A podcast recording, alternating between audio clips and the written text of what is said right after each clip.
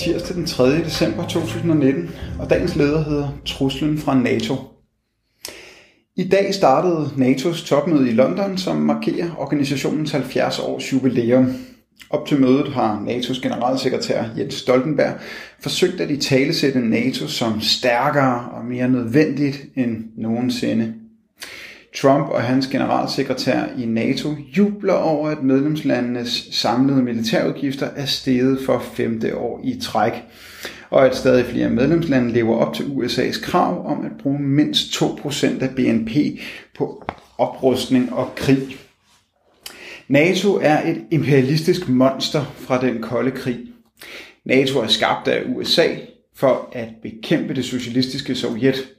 I dag er NATO et centralt redskab til at dominere og kontrollere medlemslandene. Den store fælles løgn, som spredes af magthaverne i NATO-landene, er, at NATO er en garant for medlemslandenes sikkerhed, hvis bare vi ruster op og ruster op og ruster op. Trusselsbillederne skifter med årene, men oprustningen er den uforandrede kur mod alt troende ondskab.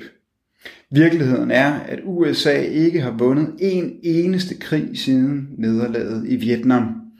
Krigene mod lande som Libyen, Afghanistan, Irak og Syrien har ikke skabt fred, demokrati eller nogen af de mange andre løfter, man gav, da krigene startede. USA er igennem en årrække blevet stadig mere svækket og bevarer kun sin rolle som supermagt i kraft af sin militære styrke. Samtidig bliver modsætningerne i NATO stadig mere markante. Senest i lyset af USA's nederlag i Syrien, som har bragt USA på kant med Tyrkiet og en række EU-lande, og som fik den franske præsident Macron til at erklære NATO for hjernedød, imens er EU i fuld gang med at realisere egne militære ambitioner. Officielt bekender NATO sig som forsvarer af folkeretten og FN's charter, men man har utallige gange krænket dem begge i land efter land. Skiftende danske regeringer har været med på vognen. Den internationale terrorisme, som NATO erklærer som en trussel, er skabt i kølvandet på de blodige krige, man selv har startet. En endeløs vifte af terrorgrupper er blevet finansieret, udrustet og trænet af USA og det allierede. Mette Frederiksen tog til London med ønsket om, at Danmark skal forblive et af NATO's kernelande, på trods af at Danmark på den korte bane ikke vil opruste i den takt, som Trump kræver.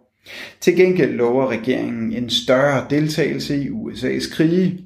Det seneste løfte i rækken er, at Danmark vil spille en mere central rolle i Irak og sende hundredvis af danske soldater til landet. Alle NATO-partierne i Folketinget støtter aktivt NATO's militære opmarsch mod Rusland, som igen udpeges som hovedfjende på trods af, at Rusland sænker sine krigsbudgetter. Det er NATO, der truer freden, også i Europa. Oprustningen og krigsforberedelserne er et historisk spil, spil af ressourcer, som kun gavner våbenindustrien. For milliarderne, man kaster bort på krigsbudgetterne, kunne man løfte den kollektive velfærd, sikre den kollektive velfærd, sikre både minimumsnummeringer, stoppe stigningerne af pensionsalderen, sikre bedre ældrepleje og billigere boliger. Men nedrustning var slet ikke et tema i debatten om årets finanslov.